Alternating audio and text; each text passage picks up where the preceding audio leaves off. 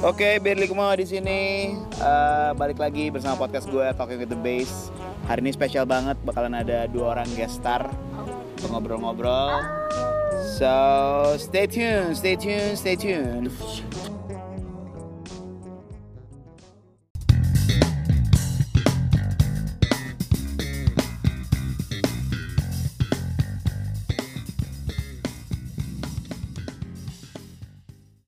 Oke, hari ini spesial kita live dari Sheraton Surabaya. Live padahal rekaman ya. Nanti kan diupload di belakangan. Hari ini, iya boleh bilang live lah. Ini spesial banget karena dua orang saudara yang sudah berbiasa, saudara-saudara yang sudah terbiasa tour bareng Cie tour. Tour. Dua orang penyanyi luar biasa. Ada Ryan Valentinus dari satu buah grup band. Namanya Rima. Ya. Siapa aja tuh personelnya? Oh, lo. Dan satu lagi ini juga dulu dia memang dia dari Papua Betul. di film Denias itu. Ada Albert Fakdauer. Ya, terima kasih. Asik, asik, asik. Akhirnya kita bisa juga nih ngobrol karena sebenarnya dari tadi lagi duduk pengen ngobrol, pengen pengen share, pengen ngobrol, pengen bikin podcast. Tapi belum kejadian karena satu dan lain hal banyaknya back sound. Saya dengerin loh episode pertamanya. Oh makasih ya, Wah, makasih udah dengerin gila, episode sangat pertama. inspiratif Ini saya belum tahu nih mau masukin edukatif. episode berapa, cuman kita ngobrol dulu kan, waktunya kan susah. Edukatif lumayan ya, lumayan. Edukatif, inspiratif dan inspiratif. Oh, oh, tadi Ulang. udah, tadi ulang. Malam, tadi malam kita baru manggung di uh, Jazz Traffic Festival Ya. dan terjadi yang Udah seperti mulai berasa, udah mulai berasa. episode episode satu podcast lumayan terjadi nggak di sana? lumayan nggak? Nggak lo nggak apa kita fair kan? Cukup kita di nyata sini. sih. Cukup, nyata, kan? ya. Tapi yang gue seneng em, faktanya mereka masih sangat-sangat eh, murah hati dengan headline jazznya. Jadi kalau lu lihat di beberapa posternya kita lihat memang posternya headline-nya jazz gitu. Ya. Sudah mereka jual memang yang jazznya ya jazz Indonesia lah ya, Ya. gitu. Tapi maksudnya eh, bukan yang bukan yang mendadak jadi yang pop-popnya gitu. Cuma kalau kita lihat di eh, mereka punya rundown memang rundownnya pop keluar semua gitu. Tapi di headline-nya sih sedap. Iya. Gitu, ya kan. Jadi lumayan lah. Oke, gue Asik asik asik asik. Gue Langsung ketemu topik nih. gue langsung mau Ah, bukan menyanggah, tapi eh, pas waktu kemarin kita latihan, kita Mhm. ngobrolin juga soal eh, nyerempet soal soal konsep dari podcast gue yang pertama, Mhm. episode pertama. Mhm. Eh, terus kita sampai di satu titik setuju bahwa kolaborasi itu adalah merupakan Iya. suatu apa ya langkah kalau misalnya kita mau balikin lagi Mhm. konsep jazz festival Mhm. Ke eh, warna asal. Ya. Hmm. Definisi yang sesungguhnya. Kita sempet ngobrolin bahwa colornya jazz Ya. waktu datang ke Indonesia Ah. itu eh, musik goyang. Ya. Nah, Nah sebenarnya kalau kita bicara dari yang gue tahu ya, kalau kita bicara tentang eh, jazz music dan perkembangannya waktu dia muncul di di Indonesia. Amerika tentunya awalnya dari Amerika kan mereka memang itu kan musik musik ber- pemberontakan ya sebetulnya. Ya.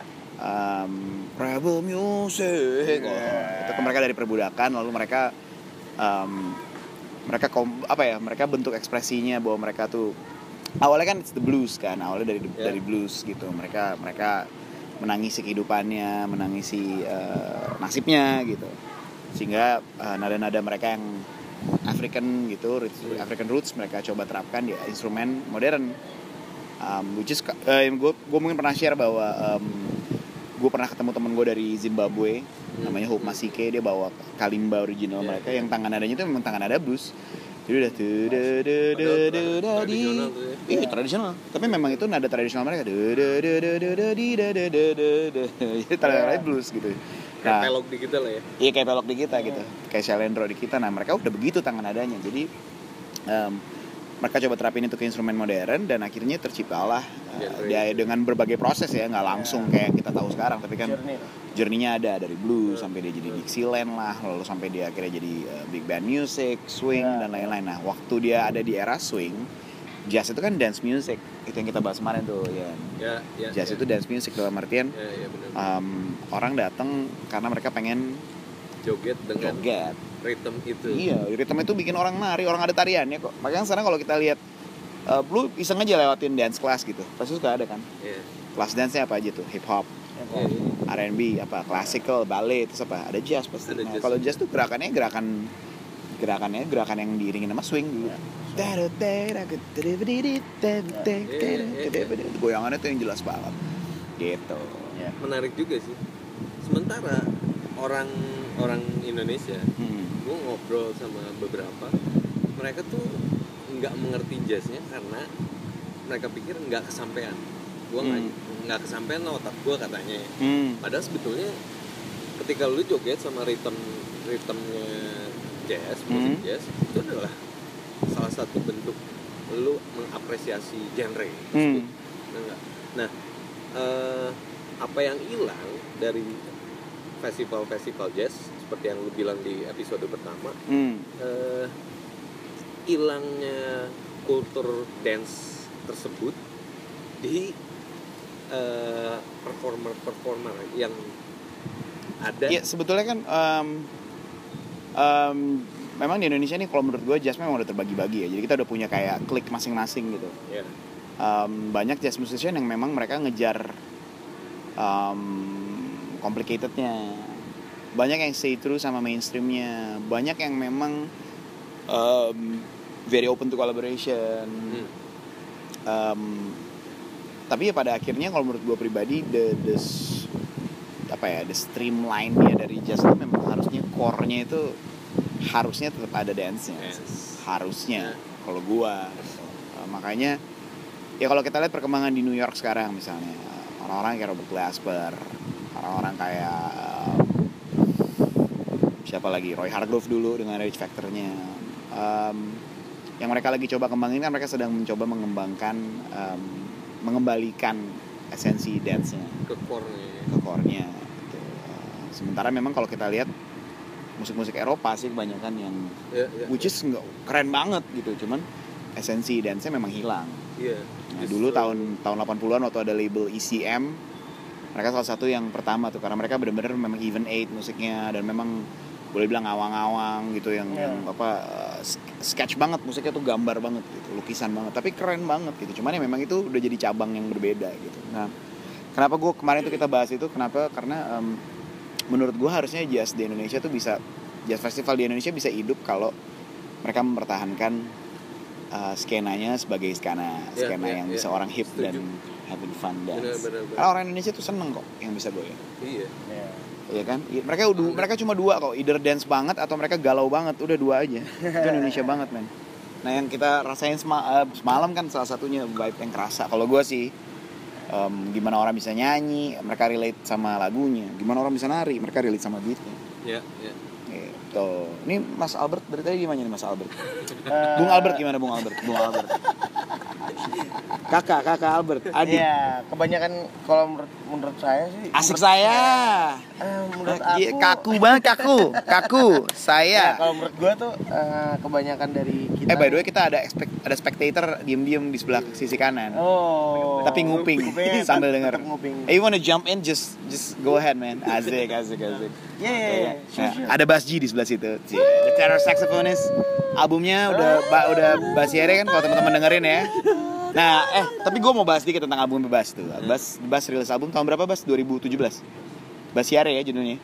Basiare which is buat gue fun banget karena dia bisa gabungin unsur-unsur yang kita bahas tuh. ya Dia mempertahankan ada ada dance-nya, ada ada satu lagu yang isinya cuma saxophone doang, drum. ya Jadi bariton, terus apa tuh semua dia gue nggak tahu deh apalagi tuh namanya gue udah ngafal tuh. Gue cuma tahu bari- bariton alto tenor, apalagi tuh yang dia keluarin tuh.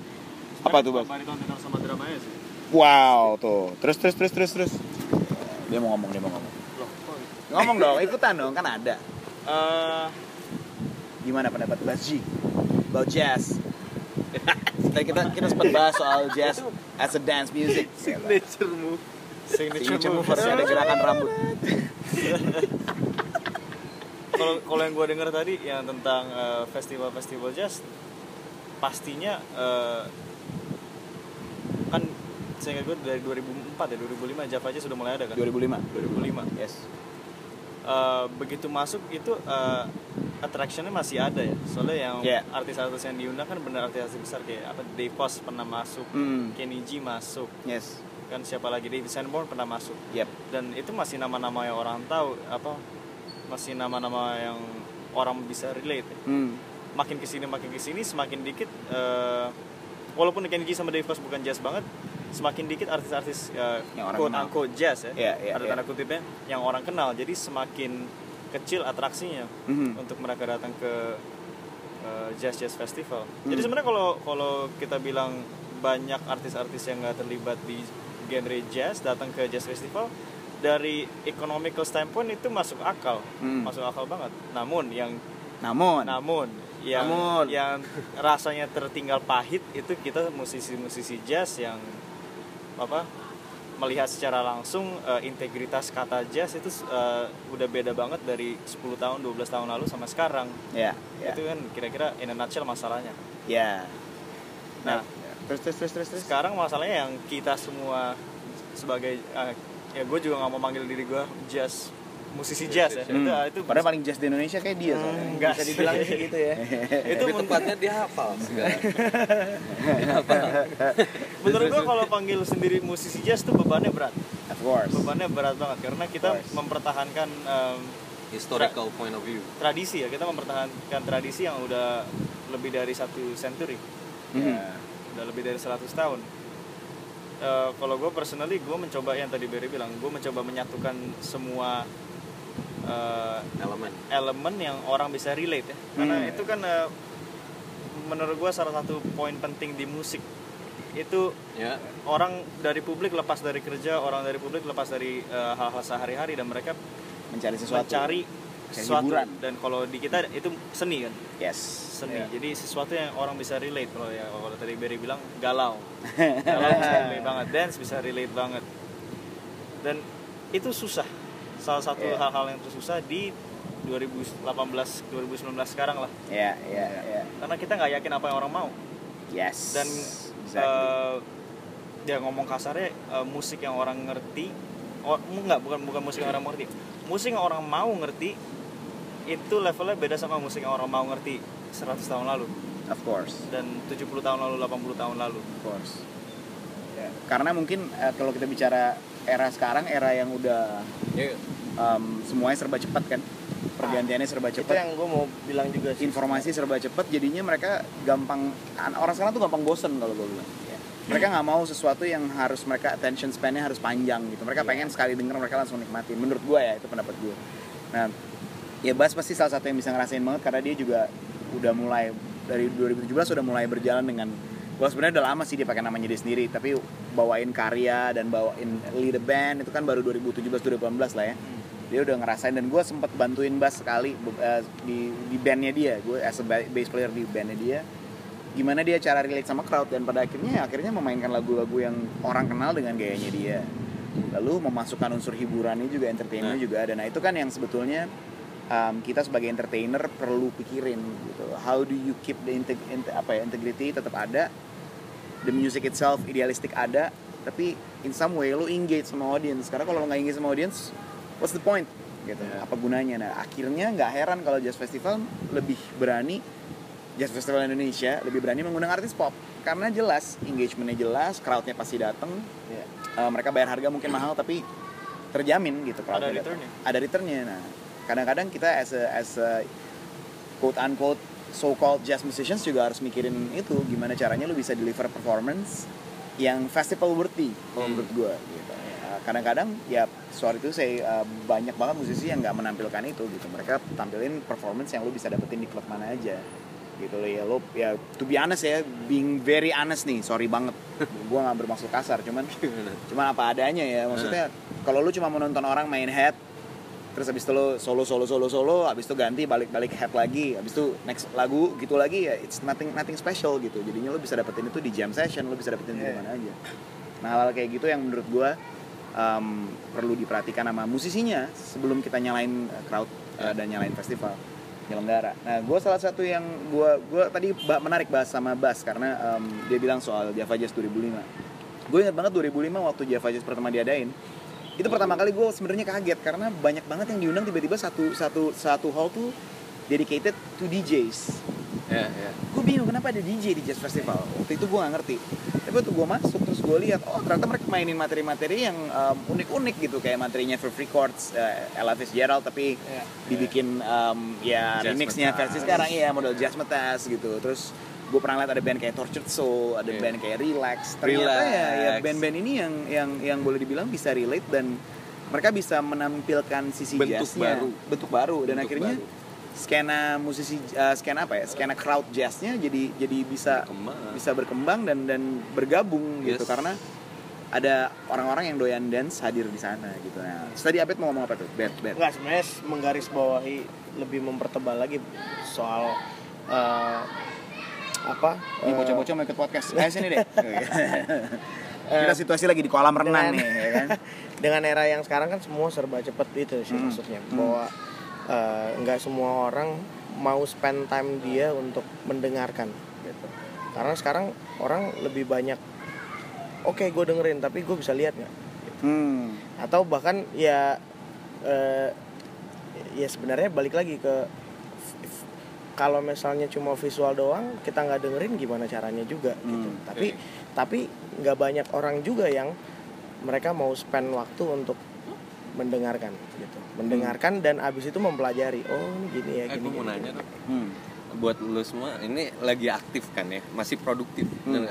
pada bikin lagu pada kalau sekarang kan lu bisa lihat bahwa eh, sebenarnya crowdnya masih sama tapi mereka terbagi menjadi dua kayak pertama segmennya yang nontonin live music sama yang nikmatin lagu lu di streaming online Hmm. streaming itu yang gue liatin nah kalau menurut lu eh, sebagai produser produser dari lagu atau komposer lebih harus lebih dulu mana? Live music kah? Live perform kah? Atau bikin karya? Abed atau rilis karya sorry bukan. Kalau gua dengan waktu gua yang sekarang eh, gua lagi pengennya berkarya berkarya? Membuat sesuatu dulu. Oke. Sampai akhirnya nanti eh, karya itu yang bisa bawa gua untuk bisa jalan Ah, oke. Kalau gua sekarang ya dengan Iya, posisi gua yang sekarang. Ya. gitu sih. Kalau gua sih dari kalau ya itu bikin karya. Hmm. Gitu. lu? Bas dulu bas bas. Oh. tadi pertanyaannya apa? Kalau lebih dulu mana? Karya lebih atau dulu mana? live? Atau iya. Eh, kayaknya for me live dulu deh. Karena kita ya tapi ya susah juga sih. Itu kayak which one is first the chicken Ya, or ya, the egg? Ya, or egg. kalau misalnya kita ada karya terus kita release eh, ya you can do that.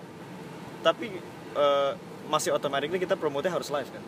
Of course so I think it just goes hand in hand. Yeah. harus dua-duanya. The first one is releasing your music. Not really, I'm not even sure. I mean you you, you can itu yang you, itu you can you can play it while you're playing live. Ya ya you can release it on the same day you're playing live. Yeah. it's Yeah. just there's so many ways to go about it ya Uh, tapi iya itu, susahnya itu karena ha- ha- how can you be artistically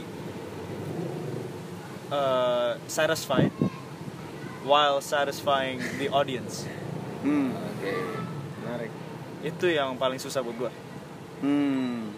karena I I I can make a song that's that's relatable in chords that's relatable in lyrics. For you? But it might not be relatable Yeah, for yeah, me. yeah, yeah. how far am I willing to sell out? Yeah. oke good point. Good point. Jadi kalau misalnya uh, bikin festival dikit, I don't think you should put the genre Aha. true. on the headline. Jadi Boleh kalau misalnya mau bikin festival ya it's a music festival. Maybe you can bisa categorize stage-nya by genre, Hmm. but menurut gua sih jangan taruh jazz. itu itu poin yang gue gue bertahun-tahun lalu gue udah mulai notice gitu bahwa ada baiknya jangan pasang genre iya nggak perlu ada genrenya karena apalagi di Indonesia ya karena em, pada kenyataannya hampir semua festival musik yang ada di Indonesia em, ketika dia menempatkan genre boleh dibilang kadang agak gagal gitu karena siap. akhirnya yang tampil yang nggak sesuai dengan apa yang dituju oh, iya, iya, iya. Oke, for example, dulu kita pernah punya Soul Nation gitu. Ini Java Production juga. Di tahun pertama mereka ngotot banget yang di sini harus soul about hip hop and R&B gitu. Yep. Tapi pada akhirnya em, tahun 2010 mereka bikin pertama 2008. Tahun 2010 BLP diminta main di sana. Gitu. Which is buat gue bingung loh. BLP kan selama ini kita besar di jazz gitu. Kita besar di jazz festival. Masa terus gue ada di ap- maksud gue sebagai sebagai musisi eh, gue ngerasa kayak gue punya obligasi moral untuk memberi kesempatan buat temen-temen yang memang berkarya di jalur itu akhirnya gue bilang kalau gue ada di sana gue nggak mau bawain materi gue yang biasa Hmm. Um, akhirnya waktu itu kita came up with uh, BLP Tribute to Motown tahun 2010 Um, karena buat gue ya itu is the root gitu itu rootnya hip hop R&B waktu mereka mulai masuk ke industri Iya. Motown Music yang paling pertama melalui Motown Record uh, Motown Records Um, tapi di, pada akhirnya juga bertahun-tahun uh, festival itu pun berkembang dan akhirnya jadi banyak banget yang tampil yang nggak R&B nggak nggak hip hop nggak soul. Uh, akhirnya sempat berubah nama digabungin dua festival yang berbeda Sounds Fair. Um, itu pun cuma bertahan sekali doang sekali sekali cuma ada sekali penyelenggaraan. Alicia Keys ya? Ah, kalau nggak salah ya. Tapi cuman udah habis itu ya bener kata Bas maksudnya ya pada kenyataannya kita lihat sekarang festival kalau kita sebut merek ya Synchronize Fest gitu. Tiga hari mereka adain penuh tuh dan itu bercampur banget. Lu bisa lihat Topati bertiga main di situ lu bisa main, eh, lihat eh, Dewa Bujana main di sana Roma Irama. tiba-tiba main di sana. Eh, Chandra Darusman tiba-tiba ada Iya. di sana. Em, siapa lagi? Pokoknya eh, tahun ini Park Drive main di sana. Em, jadi campur gitu. Gue inget do- tahun pertama mereka bikin juga gue juga main di sana. Albert juga ikutannya kan kalau nggak salah. Kita main juga di sana. Jadi em, harusnya sih festival musik seseru itu ya Iya kali ya. Maksudnya daripada Iya, lo sibuk nge-labelin dengan genre dan akhirnya lo sendiri jadi eh, punya integritasnya juga jadi nggak jelas kredibilitas festivalnya juga jadi membingungkan gitu.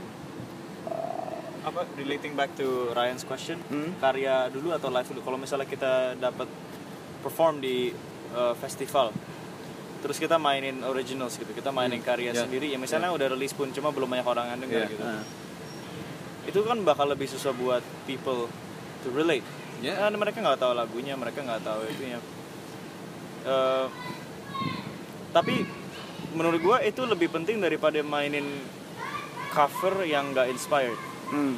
you know what I mean yang kayak lu bilang tadi mainin head gini gini gini solo solo solo Nah. tuti dikit head lagi Hmm. mungkin bridge-nya ganti masukin 6 mayor itu lu lihat-lihatan ya Itu kalau lu posisinya sebagai uh, penonton lu pasti lihat-lihatan. Eh iya lihat lihat juga Eh, gitu ya. tapi menurut gue harus ada karya sih. Oh. even though orang might not be able to relate even though mungkin orang nggak bisa eh opini dia nggak bisa apa? Ya nggak mungkin lagunya nggak dansa dansa banget mungkin nggak Yeah. itu cuma as any musician ya genre apa pun kalau misalnya bisa memproduksi satu karya sendiri I think itu eh, refleksi bagus buat poin di mana karir lu Iya. di, di saat itu. Oke. Dan gue gue tadi belum sempat jawab. Iya. gue juga kalau gue pribadi sih gue selalu beranggapan bahwa karya harusnya datang pertama sih. Em, oke lu besar di panggung lu besar di panggung lu live performance it's good. Bagus tapi bener kayak Bas bilang kalau lu nggak ada karyanya lu nggak punya benchmarknya juga lu juga nggak tahu lu udah sampai di mana. Cuman lucunya kalau gue pribadi yang gue alamin eh, orang masih tetap refer back to my previous works gitu. Orang masih lihat karya gue pribadi yang tahun 2008 gitu. Kalau gue main lagu-lagu dari album pertama album Good Spell tuh heboh banget gitu. Pasti wah ikut nyanyi bareng. Tapi begitu gue nyanyi agak baru-baru mereka kayak lagu apa ya? gitu kayak. Padahal Iya. se- maksud gue itu itu representasi karya gue sekarang. Nah, berarti problemnya ada di gini kalau menurut gue ya. Zaman dulu karena belum belum zaman digital, belum zaman uh, streaming, belum zaman download, orang nggak punya terlalu banyak option. Ya Iya. sih, lo masih datang ke toko Exactly. CD ini pendapat gue ya. Orang masih datang ke toko CD, Buat mereka lihat ah Indonesia gitu, Indonesia terus mereka lihat di bagian Indonesia locals. Abis itu apa? Jazz. Dia tinggal lihat aja apa sih hitsnya saat ini ya ya number one selling yang mana sih? Oh ini album ini album ini. Eh, gue nggak gue kan nggak akan bisa lupa kenapa Spell salah satu penjualan yang yang orang sampai sekarang masih bisa relate dan nggak akan lupa karena waktu itu penjualannya dia di nomor satu gitu sempat Yeah. masuk di nomor satu di best seller gitu. Jadi orang ketika datang ke toko CD, oh nih jazz nih sekarang gitu kan ambil ambil mungkin dia nggak tahu sebenarnya siapa sih Beryl Kumahua. Cuman dia ambil karena atas dasarnya ada di atas dan gue suka musik seperti ini. dan kalau misalnya ambil pun nggak ada pilihan tapi harus selesaiin itu CD Yep. Jadi Yep. karena lu udah beli iya karena udah beli satu dan dua 40 ribu, 35 ribu lumayan dulu kan. iya men lu harus selesaiin semua kan Karena Jadi, lu sekali lu pasang lu nggak bisa ganti-ganti kan. nggak bisa you, you don't have any choice but to know jadi harus tahu misalnya ada 12 track jadi harus tahu 12 tracknya semua apa kan? Benar. oke Benar. itu no choice Setuju. kalau sekarang bisa skip kan Skip. Ya itu Skip relate banget. dengan yang tadi kita ngomongin kan bahwa Eh tapi gue setuju banget, sorry sorry gue potong. Gue setuju banget karena zaman dulu CD player even di mobil ya. Lu Iya, cuma bisa pasang satu CD. Kalau lu punya yang banyak tuh yang 10 ada di belakang CD, kan, lu harus masukin aja. 10 tuh Iya. rack tuh. Habis itu lu mesti pilih itu juga butuh waktu kan buat lo Iya. ganti. Itu Iya. itu makan waktu gitu. Orang orang dulu kayaknya kayak ah udahlah kadang-kadang Iya. CD itu bisa diem di mobil itu satu tahun gitu kan. Oke, berarti effortnya orang buat nikmatin musik Lebih- jadi lebih- makin dikit makin sekarang makin dikit oke Iya, Eh, enggak sebenarnya enggak balik lagi ke yang tadi justru relate dengan yang tadi kita ngomong bahwa orang Ah. sekarang nggak nggak spend time mereka untuk mendengarkan Nah, gue gua, gua punya pendapat seru lagi nih.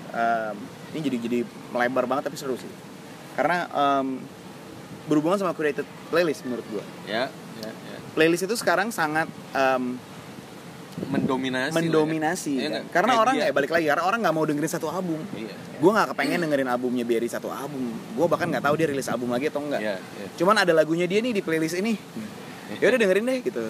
Terus em, ya ya to be honest ya gue gue gue sebagai pengguna Spotify ya gue menggunakan semua hampir semua streaming sih tapi salah satu yang paling sering gue menggunakan kan Spotify. iya Em, dia punya created playlist dan dia punya release radar, dia punya daily Discover mix. Weekly, ya kan Discover Daily Weekly Mix. dia punya daily mix. Jadi lu punya uh, mix tuh dia mempelajari dari apa yang lo denger gitu kan. Algoritma, ya. Algoritmanya dia pelajarin gitu. Oh, si Berry ini suka dengerin lagu ini ini, Ya, ini. Habis itu ya. dia bikin playlist. Waktu gue pasang daily mix kan gue gue suka iseng tuh dalam Nah. sehari ada tiga daily mix. Gue Ya. pasang aja daily mix satu, daily itu dia bener-bener pasang semua lagu-lagu yang gue suka. ya Em, di satu sisi untungnya gini kalau jadi males bikin gue jadi males. Sama. Tapi gini, lagu-lagu yang oke, dia kata katakanlah ditaruh 20 lagu. Iya. Pasti 15 lagu gue pernah denger sebelumnya. Tapi ada 5 lagu, lima lagu baru yang Baru. menurut dia relate gitu, nyambung nih sama yang suka didengerin Berry. Akhirnya gue jadi ketemu, oh si artis gospel ini misalnya ketika gue dengerin playlist yang gospel semua, oh si artis gospel ini baru rilis album baru. Iya. Gue jadi tahu nih ada lagu baru gitu. Tapi eh, di sisi lain jadinya musik gue jadi di situ doang. Nah, lucu ya. Gimana gimana gimana gimana? Mas Ryan gimana Mas Ryan? Oke, Mas Bas dulu, Mas Bas, Mas Iya, Bas. iya, Bas. dia Just udah nggak tahan tuh this uh, this is something I can identify with personally. Kayak kayaknya semua orang juga bisa identify sama ini personally. Cuma uh, sebagai musisi kan kita belajar apa song by song ya. Especially kalau jazz musician kita harus learn uh, whatever standards gitu. Hmm. Itu song by song. Kita jadi spend a lot of time on one song. And what I what I found Hmm. yang gue ketemu waktu di sepanjang perjalanan berkarir musik dan enggak sebagai manusia lah. Gila dalam banget. Manusia. The more effort we put into something, the more attachment we get. Mhm. So yang kata Albert tadi, semua kita maunya kan instant gratification. We want everything to be instantaneous. Mhm. Cuma kan life doesn't work that way. Mhm. So you have to put something you have into to it exactly. Jadi kalau misalnya kita ngomong tadi kita bisa taruh 10 CD di belakang mobil, Iya. Berarti itu itu that's a small form of dedication. Itu small form of time yang kita Mhm. invest. investment Tapi that small amount of time kita bisa bikin, kita bisa ambil untuk appreciate yang kita punya. The more effort we put in into listening to a song to or to an album, Mhm. gue inget dulu nge- apa ngeset kaset blue, gue suka banget sama blue. Kasetnya kan double side tuh, gue puter puter puter itu double side. Gitu Yeah, ya the Oke. One Love album, Yeah, apa sih yeah, namanya? yeah. The more attachment I have to the song. Semua nasi ya. One for the money and the free ride semua nasi. Alright. Alright. The more attachment ya, lanjut lanjut. Gak penting emang gue gue tahu. the more effort we put in, the more attachment we have. Mhm. Jadi semua uh, good spellers yang dengerin album pertama lu, mereka beli CD-nya, mereka Yeah. ke lu buat tanda tangan. Yeah. Itu Yeah. effort banget man. And Yeah. the more attachment they have to it. Yes. Gue attach banget sama uh, uh, apa tuh namanya? Albumnya Rosario Giuliani yang Mr. Dodo. Karena gue dengerin apa semua lagu tuh dan gue hampir transcribe semuanya. Ah. Itu effortnya ada banget. Yeah. Dan gue attach banget sama itu album karena I put that so much into, so much time into that album dan gue nggak bakal pernah lupa. Hmm. Gue masih inget uh, gue transcribe solonya yang lagu blues di satu itu gue masih bisa mainin sekarang. Hmm. Gue inget uh, transcribe solonya Bob Minster sama Mark Brecker di Giant Steps dan gue masih bisa mainin sekarang. Mhm. Itu sama kayak orang bisa nyanyiin lagu-lagu lu kan. Iya. Mereka dengerin begitu banyak mereka itu effortnya. Cuma effortnya satu album. Ya, Kalau sekarang effortnya satu lagu. satu lagu. Gue guilty juga lagunya Frank Ocean gue cuma tahu yang apa? thinking about you Bukan bukan yang masuk Novocaine. ke. Ya gue cuma ingat chordnya kan masuk ke Nemayor. Strawberry Swing padahal sebenarnya dia punya banyak lagu yang worth to invest Mhm. Frank Ocean ya Itu. kalau menurut gue Eh, itu mungkin yang eh, bakalan ngejawab kenapa lagu-lagu sekarang atau artis sekarang yang terkenal populer itu adalah produser you notice Hmm. DJ dulu bukan bukan apa ya eh, profesi yang populer Mhm. DJ ya DJ pemutar lagu tapi kalau sekarang mereka menjadi produser Ya, terus artis juga lebih lebih naik Jadi jadi, juga. iya Ya. benar jadi brand nah behavior atau perilaku kayak gitu itu dibawa ternyata sampai festival Hmm. atau live perform ya nggak sih Eh, orang investmentnya semakin tinggi tanpa mereka sadari tapi waktu yang mereka invest buat di ngedengerin dulu kayak karyanya siapa yang bakalan datang itu udah nggak ada men. Jadi behavior lu ngedengerin streaming sekarang dibawa ke perilaku mereka ketika mereka nonton konser. Hmm. ketika mereka nonton konser itu juga sama.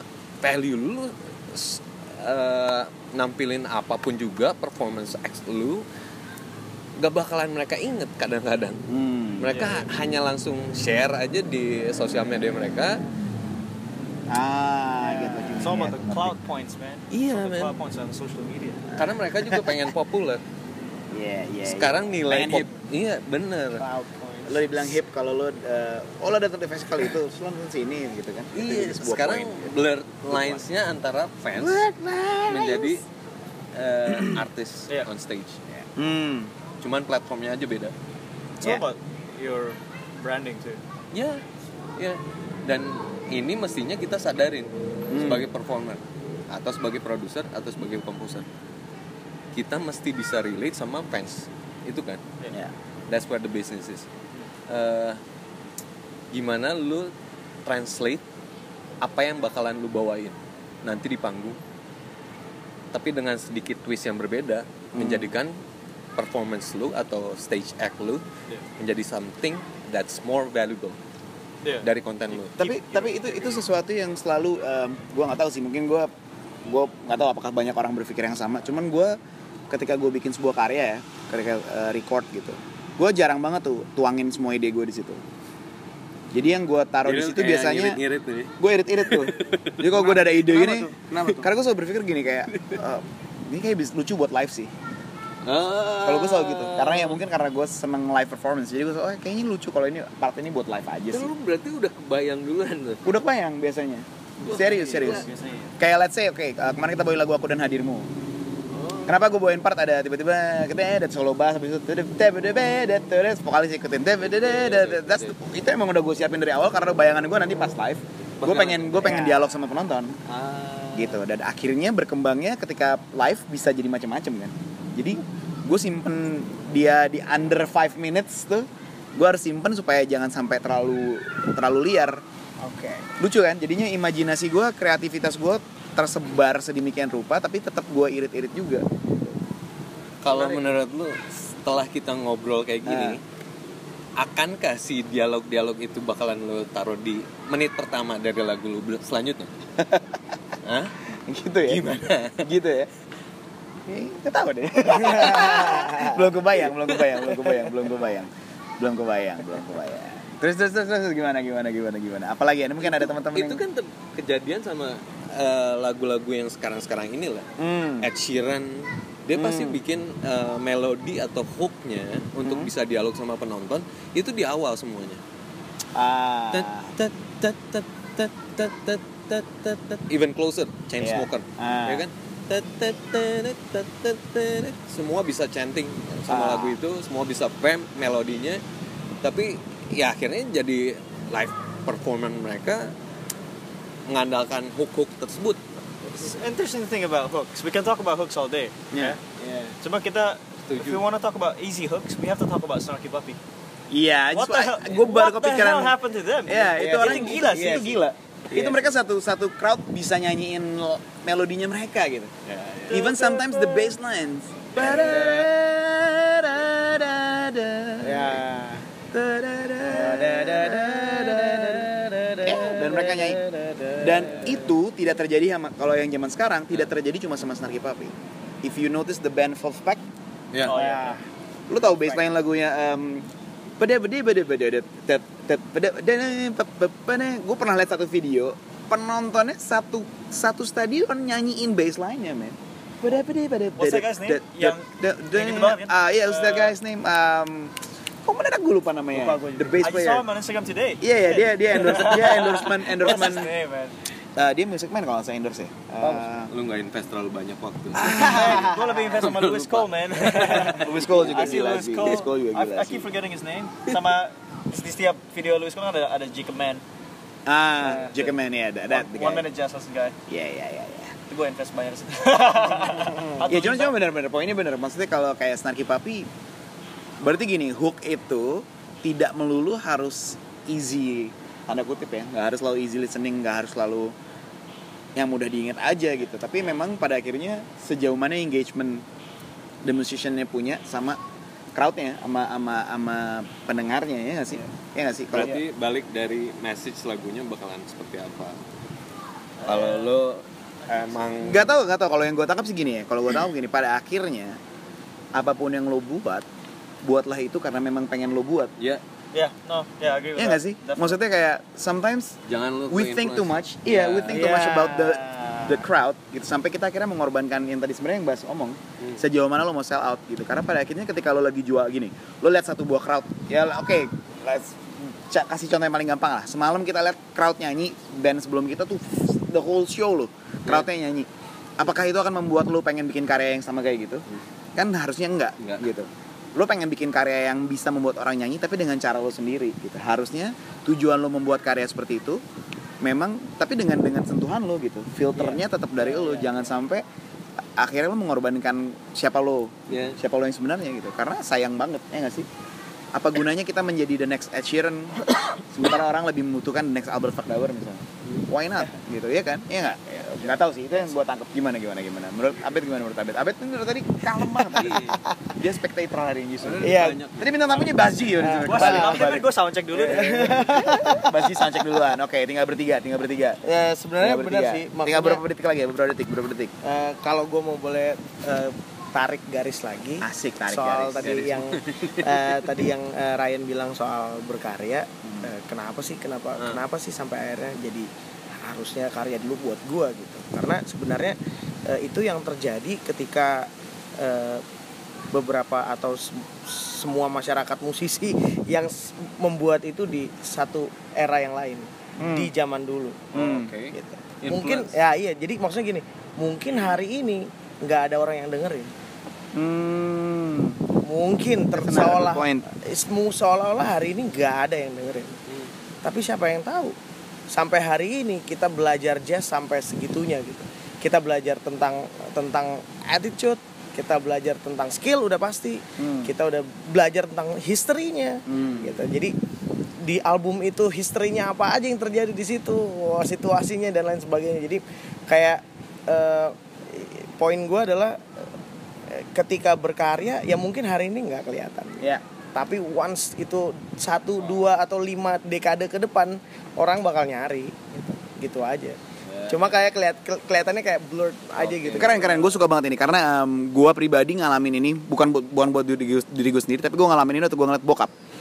Bokap dengan The Rollies. Uh, which is Rollies tuh terkenal tahun 70-an itu gila. Iya kan, tahun 70-an ngetop banget, lu langsung ngomongin lah. Cuman harusnya kan logiknya gini, pendengarnya The Rollies tahun 70-an, katakanlah usianya berapa? 20-an, 30-an Iya dong, harusnya sekarang usia mereka setidaknya paling muda 50 tahun Iya. Iya dong, betul nggak mungkin lebih muda dari itu Pasti 50 tahun ke atas, 60 tahun, 70 Ya bokap aja udah 73 tahun Personal The Rollies eh, yang original banget tinggal dia yang tersisa sekarang Iya. Om Is eh, Om Iskandar TZ Iskandar belum berapa, berapa bulan lalu meninggal gitu. Jadi em, harusnya pendengarnya dia range umurnya nggak jauh dari dia. Iya. Satu kalaupun di bawah dia pasti di bawah dia paling 10 15 tahun. Which is tadi gue bilang 20 tahun lah paling jauh umur 50. Umur 70 gitu. Nah, tapi tiba-tiba satu kali bokap gue pernah diundang ke satu buah acara. eh, mereka penikmat musik lama katanya. Usianya 20-an, Jack. 20-an, 30-an kan lucu. Tapi mereka penggemar gila The Rollies. Mereka punya album The Rollies. Salah satunya orang yang yang yang em, mungkin lu semua tahu lah, David Tarigan. Itu salah satunya. Iya, iya. Which is dia punya geng, gengnya dia anak-anak muda yang seumuran ya 20 30-an. Tapi penggila The Rollies. Kan lucu, mereka nggak ngalamin eranya The Rollies. Mereka mau nggak hidup di era itu, tapi mereka bisa tergila-gila sama musik The Rollies. Kenapa gue bisa bilang kayak gini? Karena mereka hadir waktu, eh lo ada juga kan, Ryan, oh, tuh pas kita bikin eh, dialog di Pavilion bulan April tahun lalu ya kalau nggak salah ya? Tahun lalu. Ternyata segitunya gitu. Nah berarti yang Abed bilang tadi buat gue jadi satu buah Bener. poin penting. Bener apalagi di era sekarang ketika karya itu mudah didapat bener nggak kenapa gue beri ah, gini untung dan rugi ada digital platform untungnya lu punya semua karya lu di sana kalau lu bisa masukin lu jadi katalog lu Iya. diskografi lo ada di sana. Abed rilis album pertamanya dia Dedication tahun 2016, tapi gue bisa ketemu karyanya dia yang tiba-tiba hari-hari hidup lah, gue nggak tahu siapa yang upload gue nggak tahu juga tuh royaltinya ke, ke siapa tuh Ya, Beb. itu dia. Nah, iya dong perlu kita bahas dong ya kan. Eh, tapi kayak gue gue punya rights full buat eh, good Eh, waktu gue dapat eh, eh, istilahnya udah udah selesai kontrak gue dengan Fort Monkey dan gue kembalikan eh, hak itu dikembalikan ke gue gue upload langsung di digital. Which is sampai detik ini masih banyak yang dengerin. Eh, masih banyak yang masih tergila-gila memati saja dengan lagu-lagu. Pokoknya lagu-lagu dari album pertama. Walking with the Bass Walking with Bass sekarang yang mainin anak SMA yang harusnya waktu pas lagu itu dirilis dia belum mungkin dia masih SD kali SD, nggak belum ngerti apa apa tapi dia masih main terus masih ngepost mainin lagunya. Ada yang dari ngomongnya Kak Berry lah Bung Berry sampai udah Om Om Berry Likumahua ya, makasih nggak apa-apa. Ya cuma maksudnya iya kan ngerti nggak? Tapi itu satu poin yang gue tarik tadi dari pembicaraan yang uh, dari dari statementnya Abed adalah bahwa uh, musik itu abadi. Iya, never dies. Nah berarti kan di satu sisi musisi harus berpikir gimana caranya nggak tahu gue pada setuju apa nggak sama gue gimana caranya supaya karyanya dia itu merefleksikan dirinya yang sesungguhnya supaya 20 tahun dari sekarang dia nggak nyesel tuh dengerin karyanya sendiri. Musisi bertanggung jawab sama karyanya gitu ya. Yes. be responsible with Be your responsible craft. with your own with Craft. your own art ya kan? Yeah, your yeah, own yeah, craft gitu. Karena karena buat gue um, se se udah lewat lewatnya gue dengan Good Spell ya gue ngerasa gue udah evolve jauh dari album Yeah. Good Spell tapi gue masih bisa relate sama album itu karena itu diri gue ini gue ngomong dari point of view gue ya bukan berarti gue uh, gue nggak lagi be- being self righteous enggak. Tapi tapi itu point of view gue bahwa gue ngerasa gue masih bisa relate sama karya gue 2008 which is 11 tahun yang lalu. Jadi kalau orang masih ada yang request mati saja ya no problem gue masih bisa bawain. Walaupun mungkin udah nggak mungkin dengan versi original pasti dengan versi gue yang sekarang. Atau orang pengen walking with the bass gue masih bisa bawain no problem gitu gimana Buat rilisan lo selanjutnya lo akan tetap mempertimbangkan di pattern yang gue barusan bilang nggak? Gimana Lo bakalan bikin hook atau pampnya di awal lagu? Ah, Wah kalau itu udah masuk ke era ini ya. itu udah eh, udah ranahnya ranah produksi ya. kreativitas ya, Ya, gitu, iya. ranah produksi. kalau buat gue sih eh, nggak terlalu terlalu apa ya terlalu mengkotak bukan mengkotak-kotakan terlalu membatasi kalau kita cuman kalau kita cuman taruh taruh eh, garisnya di situ kalau menurut gue pribadi. Ya, karena bisa aja satu buah lagu mulai dengan hook sa- bisa aja satu buah lagu tapi gini mati saja mati saja. Lagu mati saja itu itu orang suka sama chorusnya. Tapi orang lebih tergila-gila waktu denger intronya.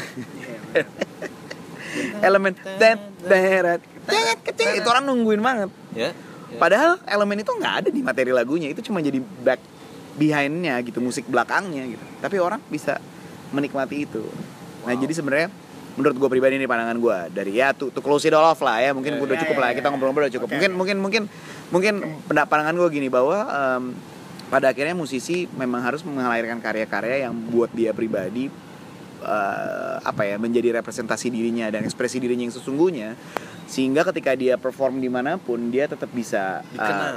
dikenal dia bisa engage sa- sama crowdnya tapi di sisi yang lain juga menurut gue pribadi tadi kalau kita balikin ke jazz gitu ya ya waktu lu ada di festival jazz boleh lah tambah-tambahin dikit aransemennya ya kan boleh lah kasih edukasi dikit Explore lah ya. explore lah dikit gitu itu kalau menurut yang lain gimana mungkin Ryan kasih statement Kalau menurut gue eh, sebagai musisi tetap balik ke message yang lu mau sampaikan apa. Hmm. Eh, jadi doesn't matter the hook di mana, eh, verse-nya di mana, Hmm. atau live performnya seperti apa. Hmm. Message lu mesti jelas sih. nice Message lu mesti jelas itu akan transcend ke warna yang lu bawain.